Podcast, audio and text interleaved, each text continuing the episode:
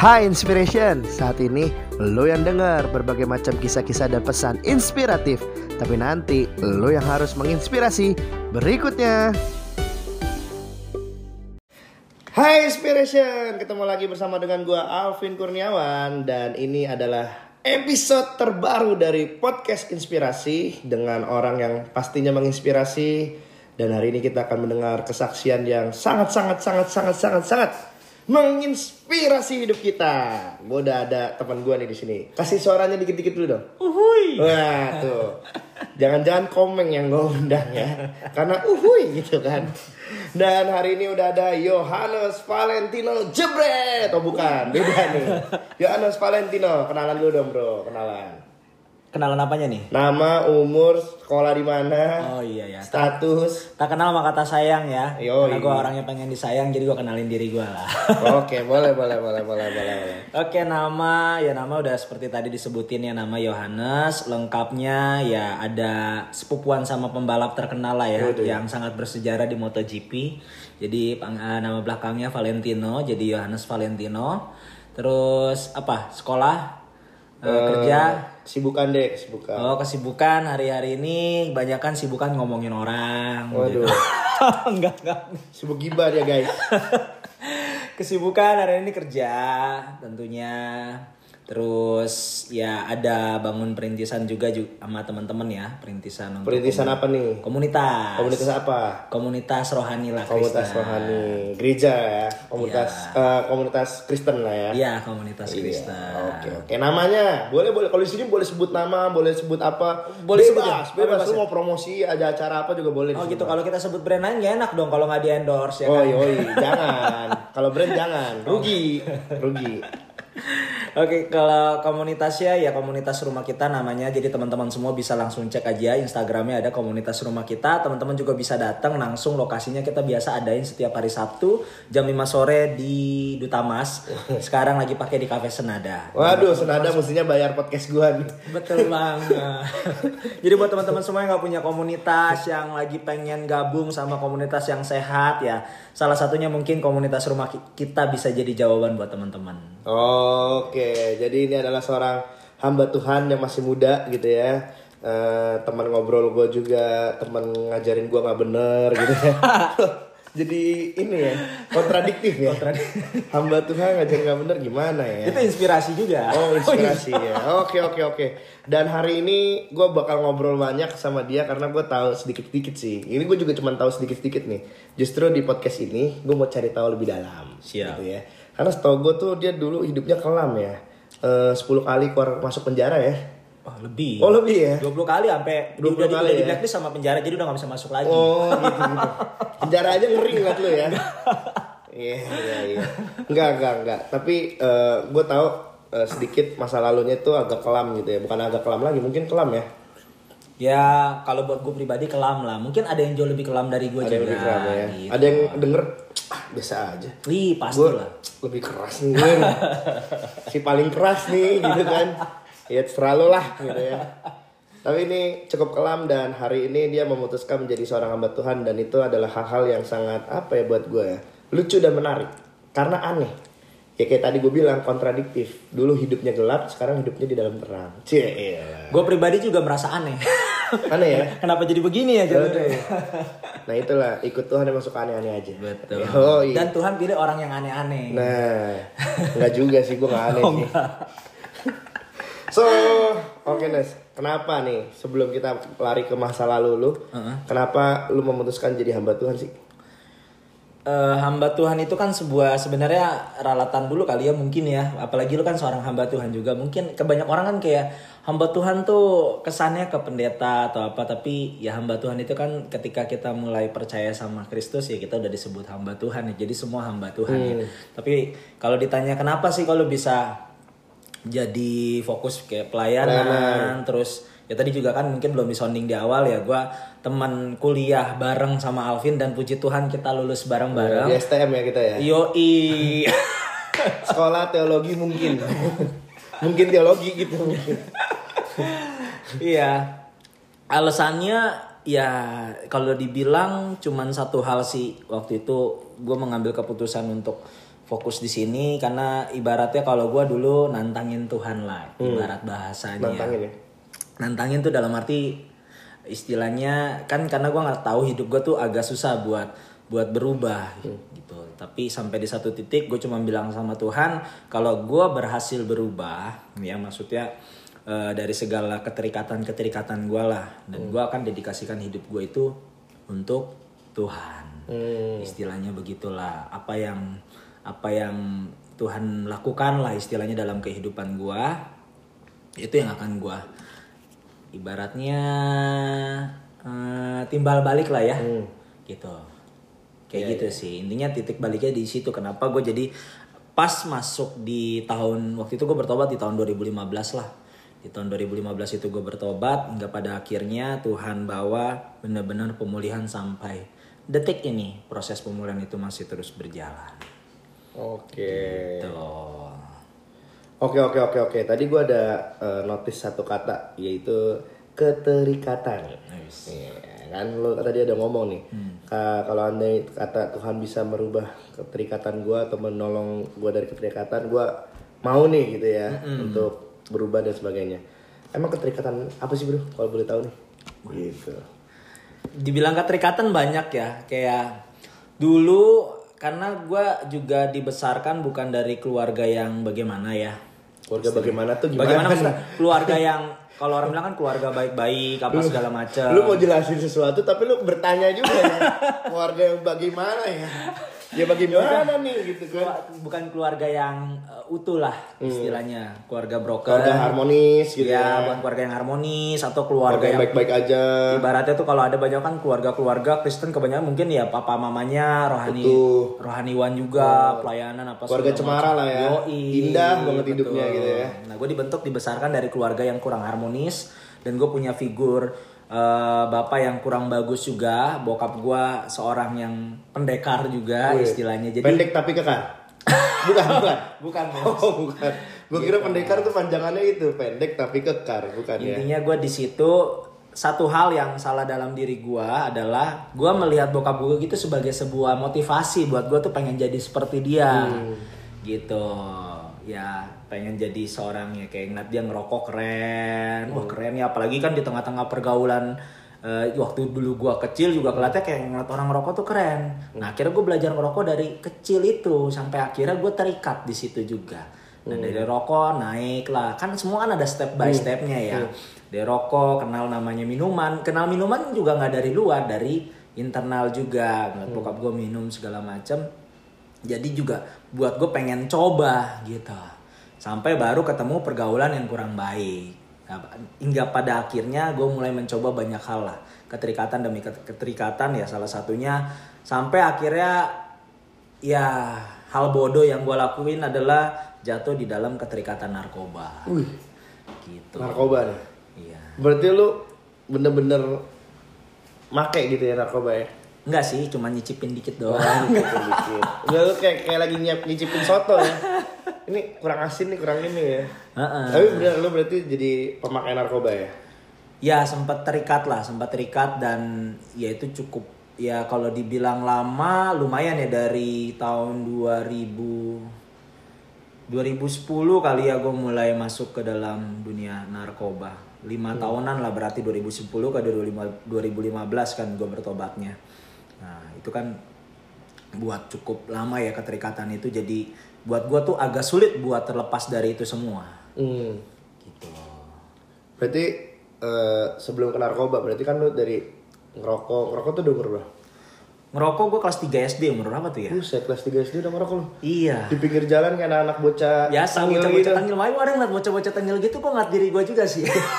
Lagi jalan pegang rokok, kalau gue liat gigi pengen gue jitak ya. Deh, deh uang jajan aja masih minta deh. Udah tengil-tengilan gitu Kita ya. kan dulu kan beli rokok tuh patungan sama teman, nyicipinnya bareng-bareng. Beli satu batang. Dulu gue masih inget banget yang gue beli dulu rokok jarum black. Waduh. Nah, sambil keliling naik sepeda ya sama temen yuk patungan yuk. Ya jarum black waktu itu gue lupa dia nom- murah lah pokoknya nggak nyampe seribu. Patungan sama teman beli rokok sebatang, joinan sama dia. Ganti-gantian. Iya ganti-gantian. Itu belum masa covid tuh ya? Ya, masih bebas. Nah itu dari dari situlah coba-coba. Oh, Gitu. berarti dari kelas 3 SD udah mulai ngerokok. Udah, udah mulai ngerokok sampai bener-bener itu kan masih perokok pasif ya. Nah, gue mulai jadi perokok aktif, aktif itu ketika masuk SMP satu satu lah. Iya, Itu SMP benar-benar udah rutin tuh. rutin. Sehari bisa Sehari mungkin dulu baru sebungkus karena kan uangnya masih terbatas juga bos. Hmm. Nggak ada duit ya. Iya nggak ada duit ya kan cuma dari uang jajan. Hmm. Kadang-kadang nggak nyampe sebungkus juga tergantung duit ya. Kebanyakan pinjem minta di warung dulu bang. Utang dulu. Kayak gitulah bos. Oh iya, iya. Dulunya. Sampai akhirnya di 2010 terjebak di dalam narkoba. Wah, Nah pertanyaannya siapa yang kenalin narkoba? Nah. Nggak mungkin dong tiba-tiba lagi gak ada apa-apa ngeliat langit hujan, ih hujan pakai narkoba ah kan nggak mungkin. Atau lihat lagi lihat langit, ih matahari terik ya, ah pakai narkoba kan nggak mungkin. Pasti gue yakin pasti ada yang kenalin. Betul. Ya semua orang yang yang ya baik rokok, minum dan menurut gue pribadi sih itu pasti ada yang kenalin ataupun dari diri kitanya sendiri yang pengen istilahnya tuh keren-kerenan lah biar diakui sama pertemanan segala macam.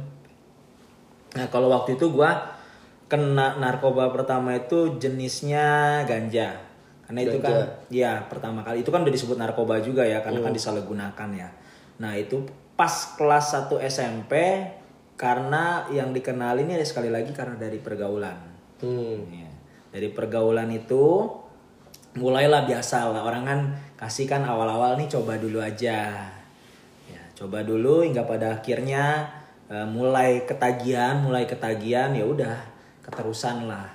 Ya, nah dari situ baru karena ya namanya SMP kan uang masih terbatas juga ya. Maksudnya kita kalau mau beli yang kayak gitu-gitu juga perlu pikirin kembali, nggak ada duitnya segala macam mau dari mana. Ujung-ujungnya yang ada kebanyakan ya rata-rata temen gue waktu itu juga malah jadi kriminal, ngambil apa ngambil apa nyolong. jual untuk bisa beli ya ganja seperti itu. Nah dari situ stepnya baru tuh. Pokoknya intinya tuh semua yang ada di ruang lingkup sebelum orang kena narkoba kebanyakan ya tentu nggak semua sih tapi kebanyakan semua stepnya dari rokok dulu dari rokok gue kenal ke alkohol dulu ya alkohol itu kenapa gue juga pengen minum alkohol sekali lagi karena gue ingin mencari sebuah Adrenalin, adrenalin. adrenalin mencari sebuah Kepuasan. kepuasan ya masih muda Padahal remaja yang enak loh. Eh, ya wala- walaupun gak enak arti alkohol kan pahit segala Hmm. macam apalagi dulu minumnya ada in- ini kalau teman-teman yang dengar ada tahu intisari Waduh, apalagi tuh. Eh, minuman ada itu namanya intisari dulunya Gue peloksan dulu lu. Terus- Yang plastik hitam. eh ciu ciu ciu Wah, cium sering dengar, tapi nggak Ciu, nggak tahu ya. gua. ada ciu ada anggur merah ya dan Amer, Amer ya, dulu sekarang masih top ya, masih masih, masih terkenal. anggur orang tua Iya. kan ya itulah intinya kejebaknya di situ pertama pasti dikasih ya biar namanya temen-temen tongkrongan dulu masih Biar asik. biar asik ya kayaknya kalau nggak minum lu pasti di dikecilkan lah dikucilkan kan. Tapi kalau lu ikut minum lu akan merasa seperti orang yang wah gua keren Diterima nih nih. diterima nih sama mereka nih gitu. Nah, nah basically ya karena ya itu sekali lagi pengaruh dari keluarga broken. Berarti kan kita cari kalau gue pribadi ya tentu nggak semua mungkin ya. Ini kalau gue jadi cari hal-hal tersebut tuh di luar. Hal-hal yang bisa menerima gue hal-hal orang-orang yang asik.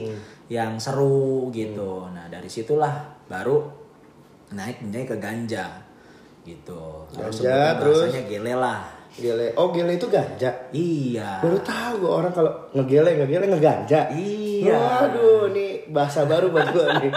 Iya, iya, iya, iya. iya dulu Tapi kan ganja berarti dilinting dong kayak rokok. betul Iya, linting iya, iya. sendiri kita beli papirnya Papir apa tuh? papir tuh alat buat melintingnya Waduh. gitu Nggak, nggak cuma pakai kertas dibulet-buletin gitu oh enggak? enggak enggak ada dia jenis jenis kertasnya beda soalnya Oh. bukan pakai kertas biasa kayak kertas kertas HVS atau kertas apa namanya kertas buku begitu Eh. bukan bukan dia ada kertas sendiri namanya kertas papir Oh. nah itu banyak jual di warung-warung Warung jual. ada dia sebenarnya bukan kertas untuk ngelinting eh, ganja ya bukan bukan untuk itu gue lupa deh dia untuk apa tapi memang dia dipakai buat biasanya tuh untuk melinting Iya, gele itu sendiri lah Ini disclaimer ya. Ah. Ini apa yang kita ucapin bukan kita lagi ngajarin ya. Iya, iya, Ntar iya. dikira kita lagi ngajarin. Cari di warung. Waduh, justru ini kesaksiannya dia nih yang kita harus dengar. Ya lanjut, lanjut, lanjut. Intinya sekali lagi eh, jelasin sedikit dulu tidak ada hal yang patut ditiru di dalam apa yang udah pernah gue lalui karena ini hal bodoh yang tadi gue jelasin di awal nih hal-hal bodoh yang gue lakuin sebuah hal yang coba aja kalau waktu itu mungkin gue nggak ngelakuin mungkin hidup gue sekarang jauh lebih baik mungkin. Tapi juga gue nggak menyesali hal tersebut gue harus berdamai dengan masa lalu gue juga dan menerima segala hal yang buruk yang pernah terjadi di kehidupan gue Betul betul. gitu. Jadi ya intinya singkat kata yang tadi soal gele ya itu karena itu masih jenis murah Oh, Ya, itu murah. sesuai kantong anak-anak pelajar pada waktu itu Ganja ya ganja murah. murah waktu itu masih dulu tuh 25.000 ribu lah Oh. 25.000 atau 15.000 kita beli patungan bisa dapat berapa linting gitu. Nah, dari situ baru naik Efeknya apa? Kalau Efek- nggak ganja tuh efeknya apa nih? Penasaran gua. efeknya itu ya kalau menurut gue efeknya cuman ketawa-ketawa doang. Jadi gila dong. Iya, ya intinya lu kayak nggak ada yang lucu. Lu ngomong begini aja gue bisa ketawa ngakak. Bener. Kok orang mau ya jadi gila ya? Ih, jadi kayak memang orang kan cari ini ya, cari ketenangan istilahnya ya ketenangan. Tapi tenang rasanya. Ya memang lu kayak nggak ada mikir kayak kagak ada masalah namanya lu ketawa-ketawa mulu. Oh jadi ketawa itu karena rasanya jadi kayak gak ada beban. nggak ada beban lu cukupnya nggak ada yang lucu pun lu bisa ketawa ngakak Meskipun lu lagi berbeban nih misalkan nih lagi ada Iya. masalah nih. iya Oh pantesan orang-orang cari ya. Enjoy pas itu ya intinya lu cuma Jadi, ketawa ketawa jadi gue tahu nih orang-orang pakai ganja hidup lu banyak beban bro, gitu kan. Jadi gue tahu nih sekarang.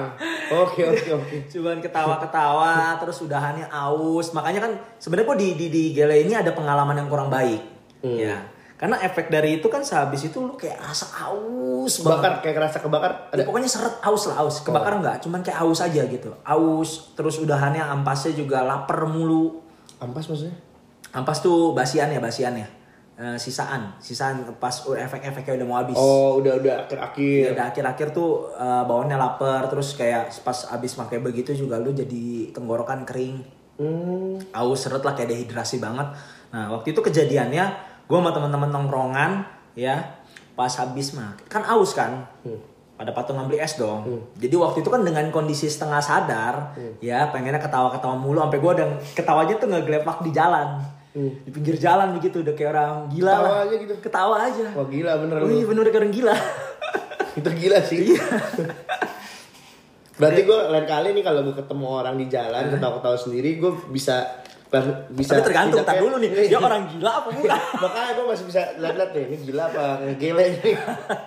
ya, kuncinya salah satunya matanya merah, becek begitu. Oh, mata merah becek. Iya, becek lah kayak orang menangis gitu, merah lah dia. Itu kan rata-rata efek-efek dari gele tuh kayak gitu ya kurang lebihnya ya. Nah iya pas begitu gua haus, jadi teman gua nih ngerjain gua. Ini menurut gua bercanda yang konyol sih dan gak boleh ditiru lah. Dia jadi pas beli ST, ST kan kuning warnanya. Udah gitu kan setengah sadar kan mata meremlek meremlek kan. Dikasih air kencing gua. Hmm, minum dah lu. Gua minum. Wah. Wah asinnya itu seumur hidup baru pertama kali gue minum air kencing dan itu bukan air kencing gue sendiri air kencing orang lagi yang gue nggak tahu bakteri apa yang ada di dalam situ Rasanya asin yo. wah asin Oh, dari dia darah tinggi kali. iya asin asin asin dan buat gue itu ya jadi satu hal yang hal bodoh lah hal bodoh makanya gue dari situ jadi udah agak males buat ngisep gele lagi karena ujung-ujungnya buat gue jadi kayak ya bener-bener jadi kerjain gitu gue jadi malas sendiri Hmm. ya udah sampai ya dari gele Naik lagi. naik lagi ke eh, mulai waktu itu coba namanya pil anjing ya Pil sebutannya BK ya, pil eh bukan ya, beda lagi. beda beda kayak pil anjing gitu. Ekstasi ya, bukan ya? Ya mungkin bisa disebut ekstasi Ya, gue tau, gue sering denger pil anjing, pil anjing Pil gitu. anjing itu murah. Buat buat orang kayak tripping tripping gitu ya. Eh, iya. Dengar musik biar jeduk biar, wow, gue. Hmm, bukan sih bukan bukan beda beda Oh, beda kalau ini tuh lebih ke pil anjing tuh lebih kayak lu maboknya tuh kayak robot kaku Ini pil anjing kan pil anjing rabies kan? Gua anjing gila kan, buat Gak anjing tahu, gila gue kan? nggak tahu waktu itu soalnya temen gue cuman gue nemenin beli goceng dapat banyak banget 100 butir Buset, lima ribu dapat 100 butir warnanya kuning gila. iya itu bener-bener Pil warna kuning mah itu kali buat obat berak-berak. apa tuh namanya? Yang apa tuh gue tahu tuh yang kecil-kecil. Bukan ya beda ya? beda beda beda intinya orang sebutnya itu pil anjing intinya pas cobain itu badan pada kaku Hmm. jadi kayak kaku-kaku gitu Enak tapi. Enggak buat lu Ya, enak. buat gue enak tetap itu gue menurut menurut gue enak karena Kenapa orang mau? Ya mungkin karena menurut mereka eh fasenya enak kan beda-beda ya. Makanya nanti ada ada jenis narkoba yang gue suka dulu Hmm. ya. Nah kalau yang tadi kayak soal gele gue nggak suka. Karena Nggak gele suka. itu bikin gue jadi kayak orang bego, ketawa-ketawa doang. Terus kehilangan konsentrasi lah ya, kesadaran. Jadi gue bisa ya kayak tadi sampai minum air kencing. Jadi dari situ buat gue jadi nggak udah nggak mau nggak mau terlalu. Kalau misalkan gue mau begitu gue mesti sama orang yang benar-benar asik Hmm. gitu. Nggak tongkrongan begitu kalau udah main air kencing begitu menurut gua pribadi udah terlalu ekstrim. Karena bahaya kan itu kan bisa keracunan atau apa kita bakteri segala macam kan nggak tahu ya. Nah iya udah dari situ naik ke pil anjing coba mulai jenis obat-obatan.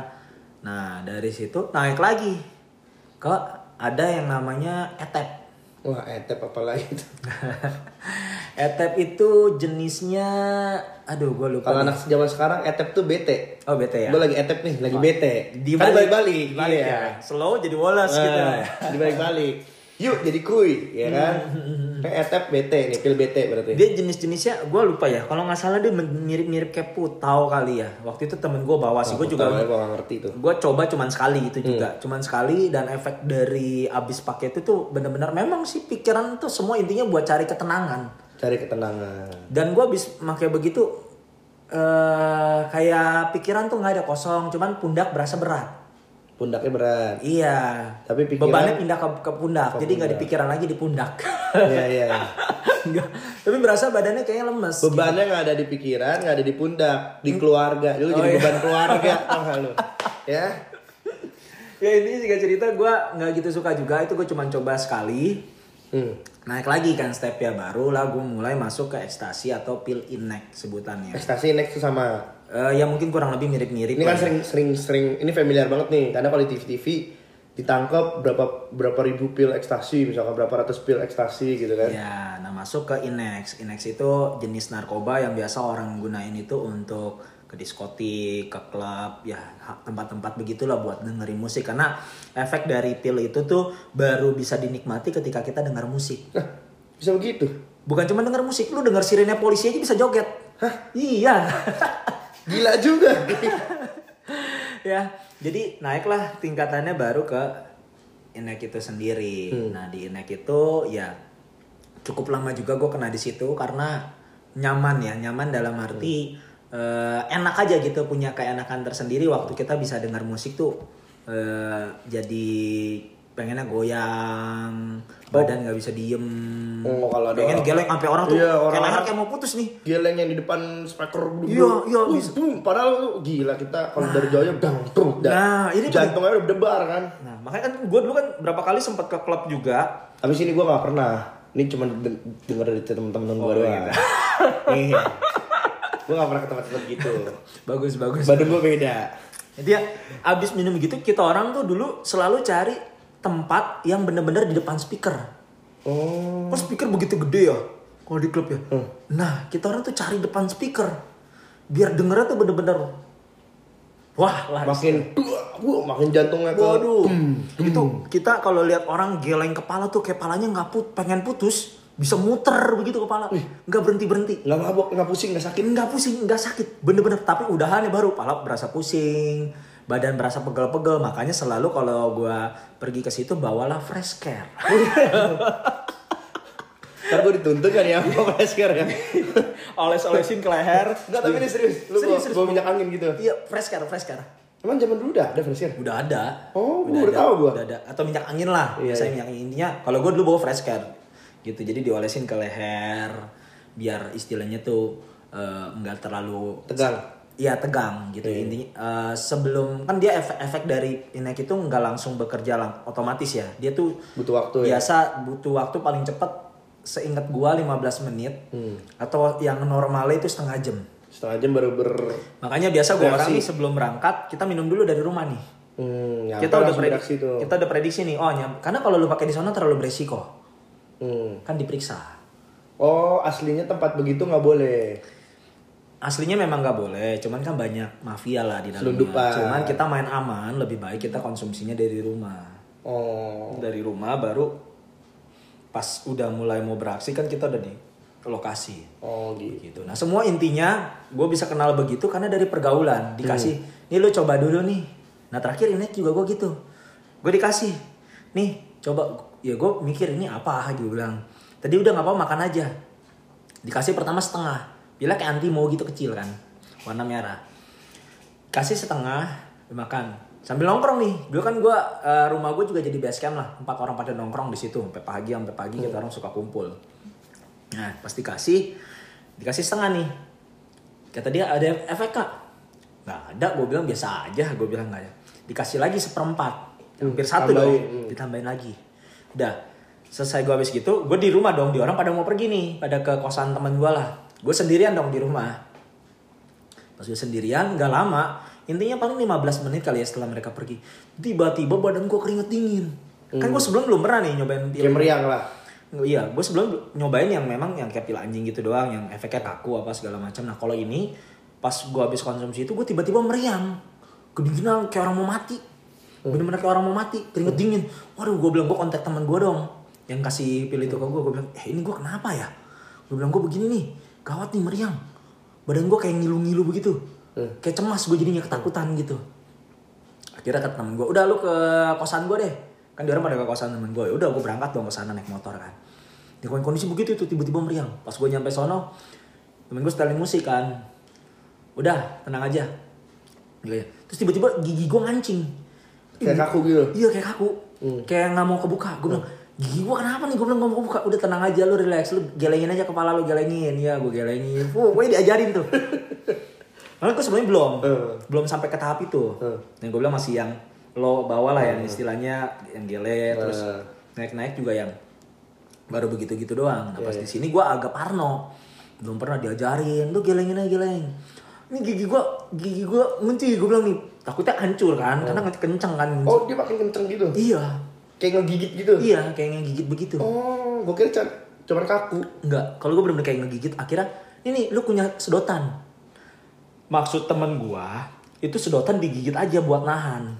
Gua gua punya semua. Jadi nih sedotan begini nih, ini kan plastik nih, tajam dong. Kalau di mulut itu gua punya sampai kecil. Abis. Iya, am am- pokoknya nggak habis, cuman sampai am- sampai Oh, sampai bener-bener kayak sampai kekunyah banget lah Iya. kayak orang dikunyah. Udahannya dalam mulut gua lecet semua. Iya pas coba pas di wah iya pas gue goyangin enak ya ternyata ya Pas digoyangin enak. enak Mulai nggak kunci. kunci tetap tapi mulut nggak mau diem maunya ngunyah terus ya Oh. orang yang orang yang habis ya gua nggak tahu ya kalau gua dan teman-teman gua rata-rata begitu pas begitu make inek itu langsung mulut tuh ngancing makanya kita orang biasa ganjel pakai apa pakai rokok ya kalau gua waktu itu masih belum tahu pakai sedotan antara sedotan atau rokok jadi rokok lu gigit aja cuman rokok kan lama-lama habis Oh. jadi sedotan sedotan kan nggak habis kan lu gigit aja udah sedotan buat nahan Oh. Gitu. Pantesan ya kalau kayak orang narkoban gitu mukanya kayak muka-muka tegang gitu kayak muka orang mau marah gitu ya. Mungkin gara-gara gitu ya. Uh. Iya, pokoknya efek samping lah pas bu udah begitu kena jatuh di situ, wah itu efek sampingnya juga lumayan berasa. Gua nggak bisa dengerin musik jedak jeduk tuh. Kalau dengerin dikit perut mules. Kalau udah nggak pakai. Iya, misalkan gue udah udah udah efek samping hilang, eh, maksudnya udah selesai, selesai nih, nih. udah selesai nih. Jadi nggak basian ataupun gue misalnya lagi nggak makan nih, lagi nggak apa apa, terus tiba-tiba gue dengar musik yang jedak jeduk nih, itu perasaan suges tuh ada. Oh. Jadi pengen istilahnya tuh Mules, mual gitu. Iya, mules lah sakit perut. Oh. Jadi pengennya tuh makan itu obat lagi. Oh, nagih. Nagi. Badannya nagih nih. Iya, karena udah udah udah udah udah mulai mungkin ya udah nyerap ke daging, jadi secara nggak langsung bahasanya tuh kayak kedagingan kali ya. Iya. Nah itu Otaknya udah stimulus. Kalau Iya. denger musik lu mesti begini gitu kan. sampai gue pernah satu ketika pas lagi habis konsumsi begitu itu waktu itu bulan puasa gue lupa tahun berapa kan bulan puasa diskotik itu cuma boleh buka sampai jam 4 subuh. Pokoknya ajan subuh dia orang udah harus pada tutup. oh. Singkat cerita ini belum ajan subuh tiba-tiba ada gerebek tuh diskotik. Wah, sama polisi nih. Dia di diskotik salah satu di kota lah daerah kota sana. Gua masih kondisinya kenceng, On, masih on nih. Waduh, itu paniknya. Tahu dong maksudnya eh lu belum pernah ngerasain aku. Gua nggak tahu. Kondisinya itu bener-bener wah, bagaimana caranya dengan kondisi lu masih pengaruh dari obat itu, tapi lu mesti nenangin diri lu. Waduh. Waduh. Udah kayak aktor lu ya. Itu mata melotot. Kayak mau keluar loh. Keringet dingin. Iya. Wah, eh, berusaha untuk tenang, diperiksain KTP apa segala macam. Lu emang udah punya KTP? Waktu itu udah. Oh. Iya, waktu itu pas gue udah masuk gue udah punya KTP. Hmm. Eh baru punya kalau nggak salah dia itu 17 tahun. Gitu. Ya udah lewat dong. Untungnya lo, untung gitu. Nggak periksa urin. Oh enggak, enggak, enggak. Untungnya enggak. Itu cuma kayak digerebek cuma buat sekalian dibubarin, sekalian periksa. Datain. Didatain. Ada KTP enggak? Kalau ada KTP, panggil orang tua ada tuh Iya. ya. Pokoknya gue berusaha buat eh serileks mungkin, setenang mungkin, enggak gugup. Gugup tuh dalam arti takutnya pasti tanya ah, ah, ah, ah. Nah, itu bahaya tuh. Jadi berusaha rileks, tenang dan teman-teman gue juga hampir gue mau ngomong puji Tuhan loh. Kurang tahu. Luar biasa ya. ya udah pulang lah gue orang ke rumah sambil dengan masih pengaruh ini ya pengaruh pengaruh obat ya. Teman gue ada dengar sireno polisi juga dari pulang dari Glodok. Itu dia bisa geleng-geleng tuh di motor tuh.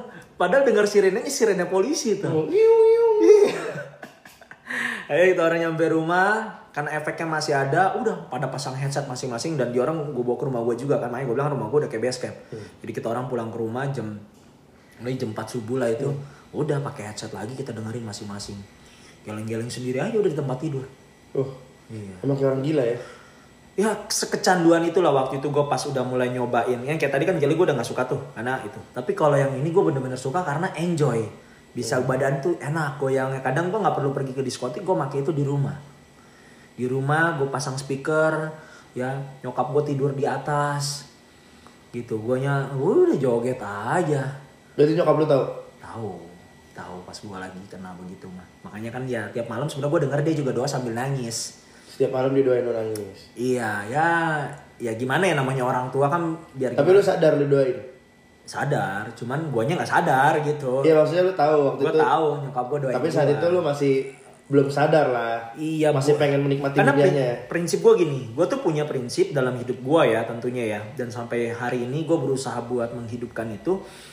Dalam arti kalau gue bilang ke banyak teman-teman, hitam-hitam putih-putih, jangan pernah masuk di area abu-abu. Abu-abu. Hmm. Ibaratnya gini, lu jangan lu rajin ke gereja, tapi lu juga rajin buat dosa. Hmm.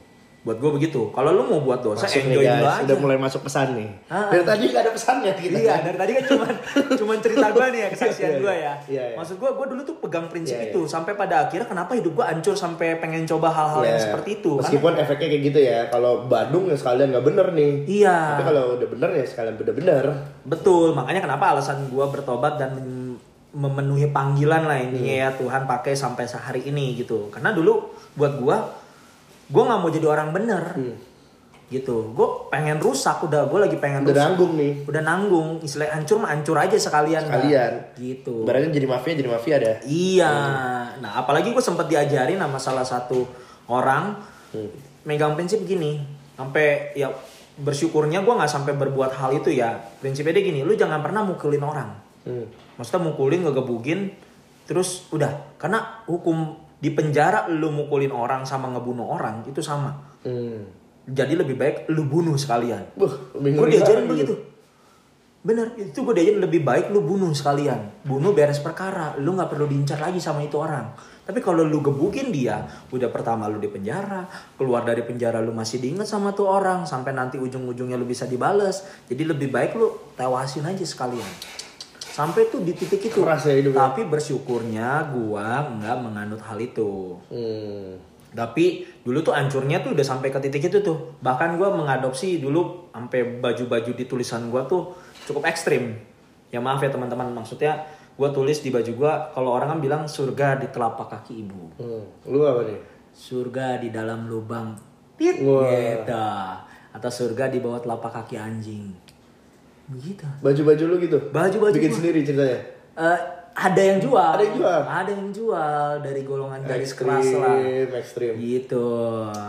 Intinya sampai dulu kan kita mikir Rebel banget ya lu ya? wah Lawan itu arus banget ya? lawan arus. Makanya dulu tuh gue pribadi nggak terlalu percaya sama adanya Tuhan.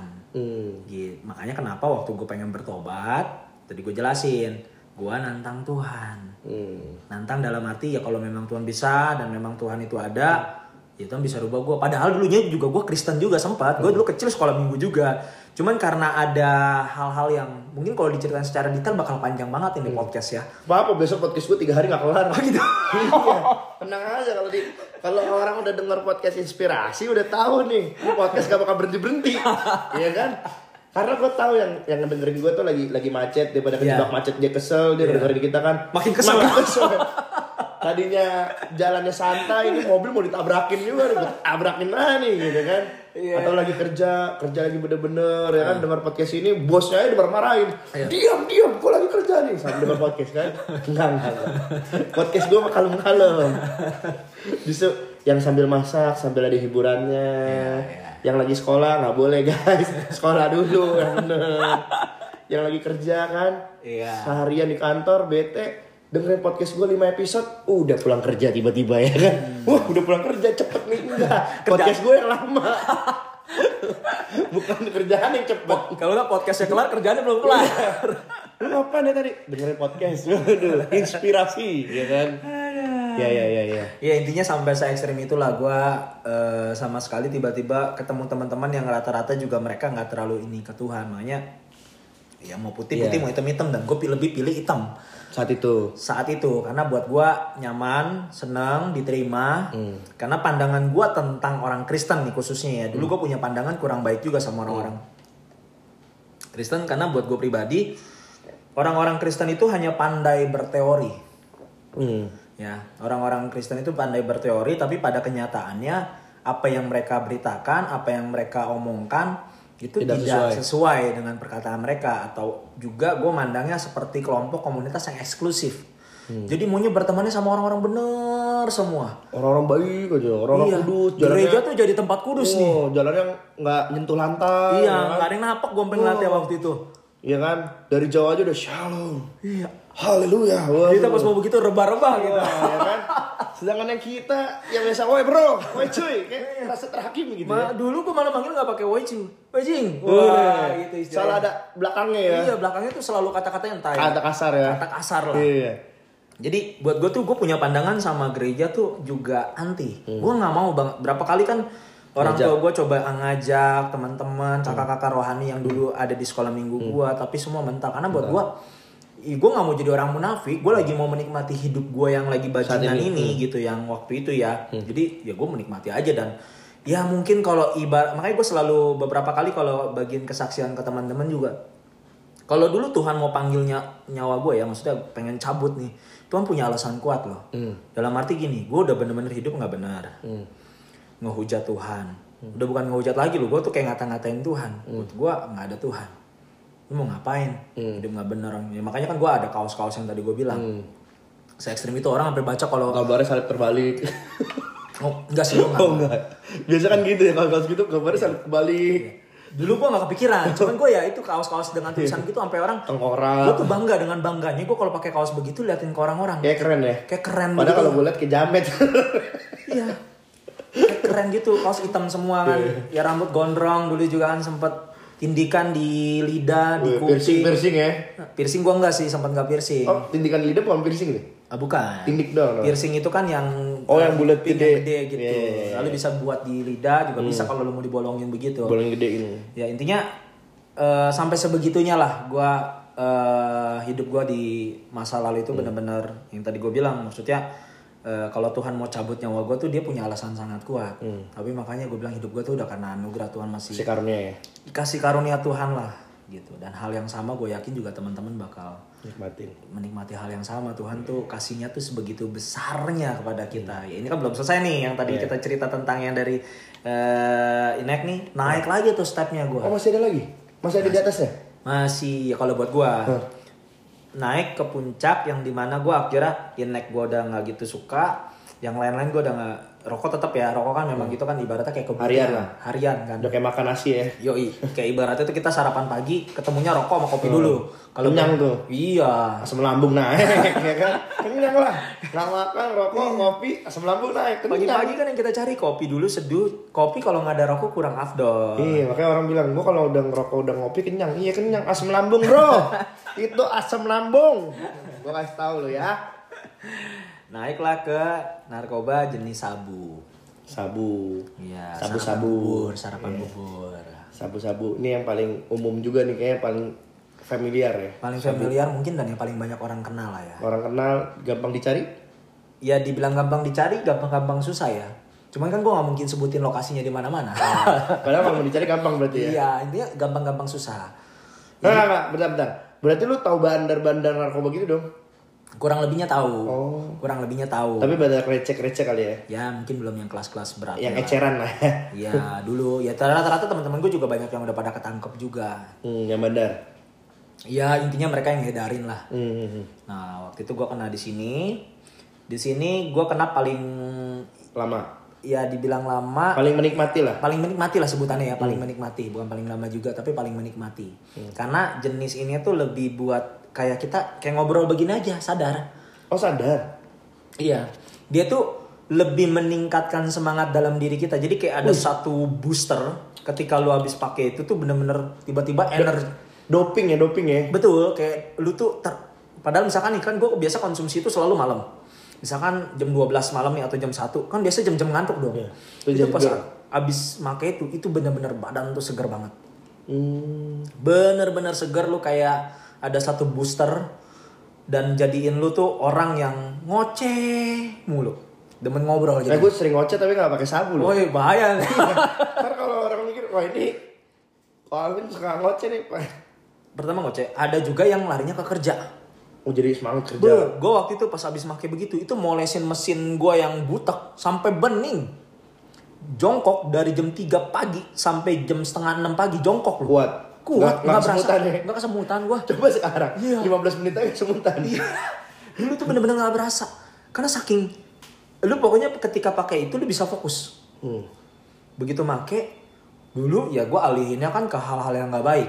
Malam kan kadang malam ke pagi gue gak ada kegiatan apa apa entah gue main game di warnet atau gue kerjain itu kan. Dulu kan gue seneng motor juga molesin atau apa. Itu bisa nggak berhenti. Atau gue ngobrol ngobrol tuh bisa sampai segar banget sama orang tuh. Hmm. mata celong keringatnya kayak keringat ini jagung Iya, gede biji-biji jagung gede gitu ya. Iya, tuh ya gue secara nggak sadar kalau ngeliat orang udah mulai keringat biji-biji jagung, misalkan lagi nggak ada apa nggak ada apa nih orang, ya gue bisa bisa berpikiran nih orang jangan-jangan make nih, karena kurang lebih dulu gue seperti itu, gitu ya? ciri-cirinya kurang lebih begitu. Tapi gak semua orang begitu kan. Iya nggak semuanya, cuman salah satu ciri-cirinya tuh ya keluar keringat jagung lah, dan gue menikmati di situ karena buat gue pertama ini eh, nggak murah sebenarnya, ini narkoba yang cukup mahal, inek juga mahal, ya cuman waktu itu gue dapet waktu itu kan udah mulai eh, kerja juga, terus juga ada sampingan-sampingan lah yang gue jalanin. Nah ini kan gue belum cerita juga nih waktu gue masa-masa sekolah gimana. Banyak kan ya kan kita fokus ke yang gue pemakainya doang ya. Nah intinya gue singkat singkat aja ya gue nggak put istilahnya gue nggak lulus sampai selesai SMA. Gue kira putus tengah jalan karena masuk pergaulan yang gak baik. Baik. Tapi puji Tuhan, Tuhan waktu gue bertobat gue bisa lanjutin paket C sampai pada akhirnya gue bisa ketemu Bro Alvin di teologi dan lulus. Sekolah tinggi hati ya, Iya. sarjana tinggi hati ya. Iya intinya begitu gua menikmati di situ sabu ya itu lumayan tuh di situ gua berasa kayaknya lebih susah lepas lagi karena apa keterikatannya itu bener-bener ini barang tuh bikin gue nyaman Hmm. Jadi gue mau kerja enak. Tapi efek sampingnya ketika misalkan gue udah pakai pagi nih kan gue pagi harus kerja dong. Itu kalau udah nggak gue booster lagi gue jadi males. Hmm. di kerjaan gue cuman tidur nggak ada semangat kayak orang putus asa. Hmm. gitu. Gak ada apa-apa, pokoknya lemes aja gitu. lemes aja. Tapi kalau gue paginya pakai lagi nih karena kan dia efeknya tuh kurang lebih 10 sampai 12 jam paling lama. Atau paling cepat biasa 4 jam Oh, dia bekerjanya. bekerjanya ya dia punya booster di dalam tubuh kitanya ya jadi gue kalau misalkan jam satu pakai udah gitu kan dia bawaannya nggak akan mau makan nggak bisa makan kenyang Hmm. Pantas kalau orang pakai begitu badan habis. iya Ya mau gimana mau nggak kecuali yang basicnya gemuk ya jadi kurus. kalau enggak yang gemuk juga ya buat diet ya. bisa kurus juga karena bener-bener nggak lapar bener-bener tuh lu bawaannya ketemu makanan juga Untung nggak kok nafsu. orangnya laparan. Tapi buat men, me- apa ya istilahnya tuh buat tidak terlalu kelihatan kalau misalkan kita udah habis pakai nih diajak pergi dong makan minimal kita biar nggak terlalu kelihatan kita cicip-cicipin dikit aja padahal mah ke mulut juga nggak ketelan Oh, tapi biar nggak terlalu menonjol biar nggak kecil ya. Iya, biar nggak keciri. Itu itulah efek samping dari eh, apa namanya waktu gue pakai sabu itu sendiri. Nah, ya hal-hal yang yang negatifnya lagi juga waktu sama halnya kayak yang tadi gue bilang ini kecanduan kalau dengar musik. So guys, waktu itu gue bukan istilahnya kalau ini kan dengar musik, kalau ini mah cuma ngomongin begini doang gue nggak bisa. Hmm. kita ngobrolin doang nih tentang sabu atau gue ngeliat sedotan bengkok itu langsung mules Oh gitu. gue ngeliat sedotan pokoknya liat sedotan bengkok aja nggak bisa gue Segitunya. segitunya dulu gue ya Nyanduknya gitu sampai- gue ya keterikatan Kalau ngeliat bengkoknya langsung pengen pakai gitu. iya dulu gue Ekstrim ya. Wah, sampai sebegitunya dan itu hal bodoh yang gue jalanin waktu itu karena keterbatasan uang juga gue banyak ngejual barang. Barang-barang di rumah. Oh iya. Habis dong. Ya, tapi masih barang-barang gue sih, bukan barang-barang nyokap. Oh, barang orang tua, Bukan, bukan. Dia gue punya barang apa bisa gue jual, gue jual kok. Cuma dibeli nama mak lu. Itu iya. Sama aja. Tapi begitu. Sampai karena kebutuhannya tinggi ya, maksudnya rasa kepengen pakainya tinggi, sampai gue waktu itu sempet juga ngejualin. Oh, lu ngedarin juga. Hmm, Karena butuh. karena butuh. Lu jual berapa dapat berapa gitu kan. Dari bandarnya ya. Udah lu jualnya segini tas sini buat lu. Ntar gue kentit deh, gue cangkul. Oh, Gitu. makanya orang suka berantem timbangannya nggak pas begitu. Betul, kadang kalau nggak kita bayar, campur. bayar setengah pakai talas, pakai talas atau pakai gula biasanya. Karena kan di jenisnya kan sama kayak kristal-kristal begitu ya. Warnanya sama. Iya, kayak Rasanya rasanya beda dong. nggak manis kan? Bedanya waktu dibakar. Waktu dibakar kalau gula atau talas dia ada kayak bercak atau kalau gula hitam. Jadi angus. Iya, tapi kalau itu benar-benar bersih. Berarti kalau ketahuan, eh, kalau dibakar dia berbecak atau jadi angus, dia ketahuan nih, wah ini campur Oh, iya, nih. Ini ini campur. Bisa bedainnya kayak gitu. Ya intinya dulu tuh sampai sebegitunya lah. Dan gue ngomong begini dulu nih nggak bisa yang gue bilang tadi. Jangan eh, bu- bukan cuma dari sedotan bengkok ngobrolin pun nggak bisa. Ngobrol tentang hal ini. Nah makanya kenapa akhir dari perjalanan eh, masa-masa gelap gue itu gue cuma bilang sama Tuhan kalau Tuhan berhasil nih karena gue bener-bener keterikatan. Lu sendiri nggak ngerti caranya terlepas gimana? Iya, maksudnya udah karena udah sampai di titik itu udah, ya? udah sampai di titik itu Nyandu banget ya. nyandunya tuh bener-bener gue di gue bertobat 2015 kan dari 2014 itu udah nyokap gue udah ancang-ancang buat bawa gue eh, balik lah ke gereja lagi cuma buat gue tuh ini nggak belum mau diri gue Tapi setidaknya lu udah ada kesadaran. Dibilang mau kesadaran, untuk berubah. ada mau sih ada mau kayak udah capek. Kenapa? kayak gue udah di titik capek. Oh capek, nggak ada puasnya. nggak ada ujungnya gitu Iya, mau sampai kapan nih kayak gue mau sampai kapan? Karena Yes, ya yes, gue dari kecil udah badung Iya, ya dari kelas 3 yang gue bilang gue ngerokok apa segala Iya, iya, macem terjun dunia narkoba. Gue putus sekolah tahun 2009 gue udah mulai kerja. Orang-orang lagi masih pada sekolah gue tapi udah kerja 2009 itu. Dan gue masuk di dunia yang bener-bener kelam sampai di 2015 gue Iya. baru jadi kurang lebih hampir 10 tahunan lebih ya gue Iya. ada di dalam area yang kacau begitulah Kalau gue bisa kasih perumpamaan tuh ibaratnya lu lari lari di treadmill yang nggak pernah ada ujungnya Iya. dan nggak pernah selesai. Nah. Itu hidup di dalam dosa sebenarnya kayak gitu ya. benar Iya. orang pakai narkoba banyak yang kena di situ karena ya buat cari kepuasan semata buat kalau buat gue pribadi gue nggak tahu mungkin ada teman-teman yang mungkin bisa bagi kesaksiannya dia juga tentang Ntar bagaimana- coba guys komen-komen aja nih pengalaman kalian. Nggak, ya mungkin ya kalau mau ya. Iya. Kan susah ya komen-komen. Oh iya gue juga dulu pakai nih gini kan di komen lagi.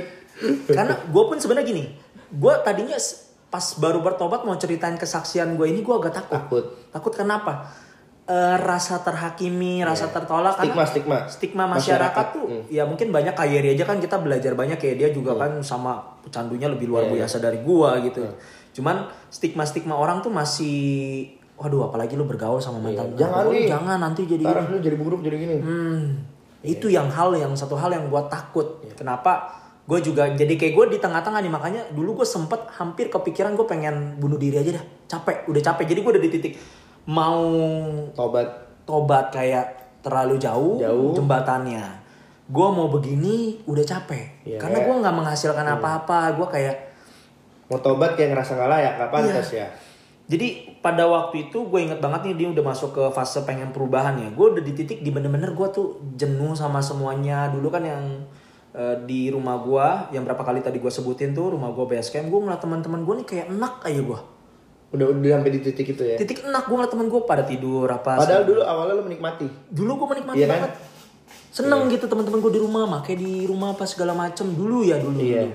Oh rasanya kayak Tapi buat teman-teman gue yang mungkin ntar tiba-tiba ada denger ini ya gue bersyukur lah intinya kenal mereka juga tapi intinya dulu kita salah tapi gue berharap teman-teman semua juga bisa takutnya ada yang dengar juga Iya, nih jadi gue nggak menyalahkan teman-teman gue juga Justru kalau ada teman-teman lo yang mungkin masih terikat atau teman-teman lo masih di dalam dunia kelam, lo tetap bisa menerima ya untuk dia mau bertu- Betul, berubah ya. intinya- Hubungin Yohanes bro, kita berubah bersama-sama. Iya kan? Iya dong. betul betul Kalau dulu lu diajarin make, sekarang lu ajarin dia tentang kebenaran, cinta yang sesungguhnya. Amin. Eh, Sedap kan tuh ya. kan? Sedap. Karena gue juga dulu begitu menginjil, menginjil tapi bukan menginjil untuk ini. Iya kan, bener percaya kan? Kristus ya. Gue menginjil untuk wah Orang- biar gue nggak keluar duit bagaimana Nah. nih? Gue racunin temen gue udah. Hal yang sama yang gue terapin yang tadi gue bilang tuh Badung jangan setengah-setengah. Hal yang sama gue bilang selalu ke teman-teman gue lu mau Hmm, jangan nanggung. Jangan nanggung. Gue bilang begini contoh ya contoh. Maksudnya ini jangan ditiru ya teman-teman ya sekali lagi apa yang udah kita bahas ini ini bukan hal yang patut untuk ditiru dan sangat-sangat tidak baik. Disclaimer, ada di bawah ini nih. Jangan untuk ditiru, hanya untuk profesional. Kan ini audio ya, ada tulisannya gue muncul. bilang gini, lu nonton film bokep ya. Dulu gue nih, gue juga kan sempat kejebak di situ ya. Cuman gue bukan konsumsi film. Lu daripada nonton film, dosa Sama. sama kan? Dosa ya dosa, nggak ada dosa besar, nggak ada dosa kecil. Mendingan mana emang ngelakuin? Oh, iya. Gue bilang begitu kata temen gue. Lu jebak nih teman-teman lu Oh nih. iya, gue bilang mendingan lakuin kan. Ya udah. Mau ngapain? Rokok, minum alkohol, mabok. Lu Sama. begitu sama cewek lu, dosa nggak? Narkoba? Dosa? Ya sama. Ini tapi lebih enak gue bilang. Dulu gue ngeracunin udah begitu. Hmm, jadi sama lu yang beli, lu yang minta. temen gue udah ya dia beli kan intinya narkoba itu selalu tidak ada yang awalnya tuh berbayar biasanya yang gue temuin di lapangan beberapa orang jatuh di sini itu udah cicipin dulu lah lu rasain dulu lah makanya teknik marketing yang paling bagus tuh sebenarnya kalau lu boleh belajar coba sama ya. orang-orang yang pada Jual narkoba ya. jual narkoba nih mereka pintar teknik marketing mereka tuh Mereka nggak takut rugi ya. iya Karena tahu nih, lu masuk, laku barang gua. Yoi. Iya, iya. Itu lu coba dulu, lu cicipin dulu aja, lu udah merasa enak, lu pasti balik lagi kan. Nah, hal-hal itulah yang gue lakuin. Nah. Tadi yang gue bilang di titik gue jenuh, gue ngeliat teman-teman gue kayak gila ini kayak nggak ada masa madesu lu masa depan nggak ada suram masa mah kayaknya udah bener-bener suram gitu. Tiba-tiba gue mengeluarkan satu ekspresi yang gak baik lah ke teman-teman gue. Gue tiba-tiba banting botol apa di rumah gue tuh. Kayak gue marah gitu. Gua lalu gitu. Enggak, gue gue kayak marah aja, gue nggak bilang bubar. Sampai akhirnya teman-teman gue pergi semua. Gue kayak ngerasa sendiri, kayak hancur lah. Gue udah bener-bener kayak hancur. Udah di titik temen kayak gue ngerasa nggak ada, ninggalin. Terus mau ikut ke Tuhan juga gue udah ngerasa nggak layak. Layak, Karena gue waktu itu sempet, karena nyokap gue ya namanya orang tua ya kadang-kadang bawa, ayo ikut gereja, gereja, gereja. Akhirnya gue coba ngikut. Tapi kondisinya gue habis pakai malam. Itu gue denger firman kayak ini loh. Kayak apa? Lisa, Gelisah, nggak tenang gua. kok ada setan kali kalau kalau gitu kan. Wah, kamu mesti doakan ya. Waduh. Padahal malam habis make ya kan. gue khotbah gue keluar. Gue ngerokok depan gereja sampai nyokap gue ngomelin gue pas selesai ibadah kan gue langsung ngerokok depan gereja juga masih ngerokok ya. Dan gue nggak tahan dengerin firman. "Eh, Lu di depan gereja ngerokok. Lah kenapa emang gue bilang? Gue di dalam gereja, Iya. asap-asapan. Oh, mending gue di depan gereja aja gue sambil duduk di- sama ngobrol sama tukang parkir gue sambil ngerokok. Nggak tenang gue waktu itu. Ya ini gue di titik bener-bener jenuh. Nyokap gue sampai ya berapa kali kan yang tadi kita bahas di awal nyokap gue ngedoain gue sampai dia sempat mengambil langkah yang cukup salah dia pergi ke orang pintar buat gue tuh bisa bertobat dia pergi kasih gue minum air Nih pergi ke orang pinter, supaya lu ikut Tuhan Yesus. Konsep baru nih gua nih. dulu juga keren juga itu nih. dia cerita sampai gue bilang, Tante, kamu keren tante. Iya kan? dia ambil minuman sama orang pintar berharap gue berubah tapi bukan berubah malah belangsa Bukan berdua malah makin jadi-jadi. iya pokoknya ya satu hal sih ya nyokap gue adalah satu orang yang eh, terpenting juga dalam hidup gue dan gue menyimpulkan gini loh ketika kita mau berubah sorry lebih tepatnya Tuhan bisa pakai siapa pun. Tuhan akan menyisakan satu orang untuk buat kita balik sama dia. Hmm. atau hal apa pun intinya buat balik sama dia. Tapi kalau gue sih percaya satu orang itu yang bakal bisa merubah kehidupan kita melalui orang tersebut yang Tuhan pakai. Nah itulah nyokap gue Iya. di titik gue benar-benar hancur gue ditinggalin dengan teman-teman gue mau ke Tuhan juga nggak bisa. Gue kayak ada di tengah-tengah yang tadi gue bilang gue pengen mengakhiri hidup gue karena gue udah nggak punya harapan apa-apa nih. Gitu. Udah kacau udah nggak punya masa depan. Ya hidup juga mati seg apa hidup segan tapi mati juga ragu-ragu kayak sayang. Ya intinya gue udah kacau lah. Iya. Nyokap gue cuma timbul satu perkataan yang waktu itu gue lagi udah tinggal sendiri tuh tinggal ada nyokap gue doang di rumah dia cuma bilang gini yang kamu butuhin Tuhan Nes." gitu Oke, yo. Kita stop di sini dulu. Kita lanjutin part 2-nya. ya kan? Oke. Biar seru. Karena ini udah panjang nih. Terakhir ada di situ. Yang kamu butuhin Tuhan Tuhan. So, denger di part 2-nya guys. Jangan lupa untuk nantikan minggu depan part 2-nya. siap God bless.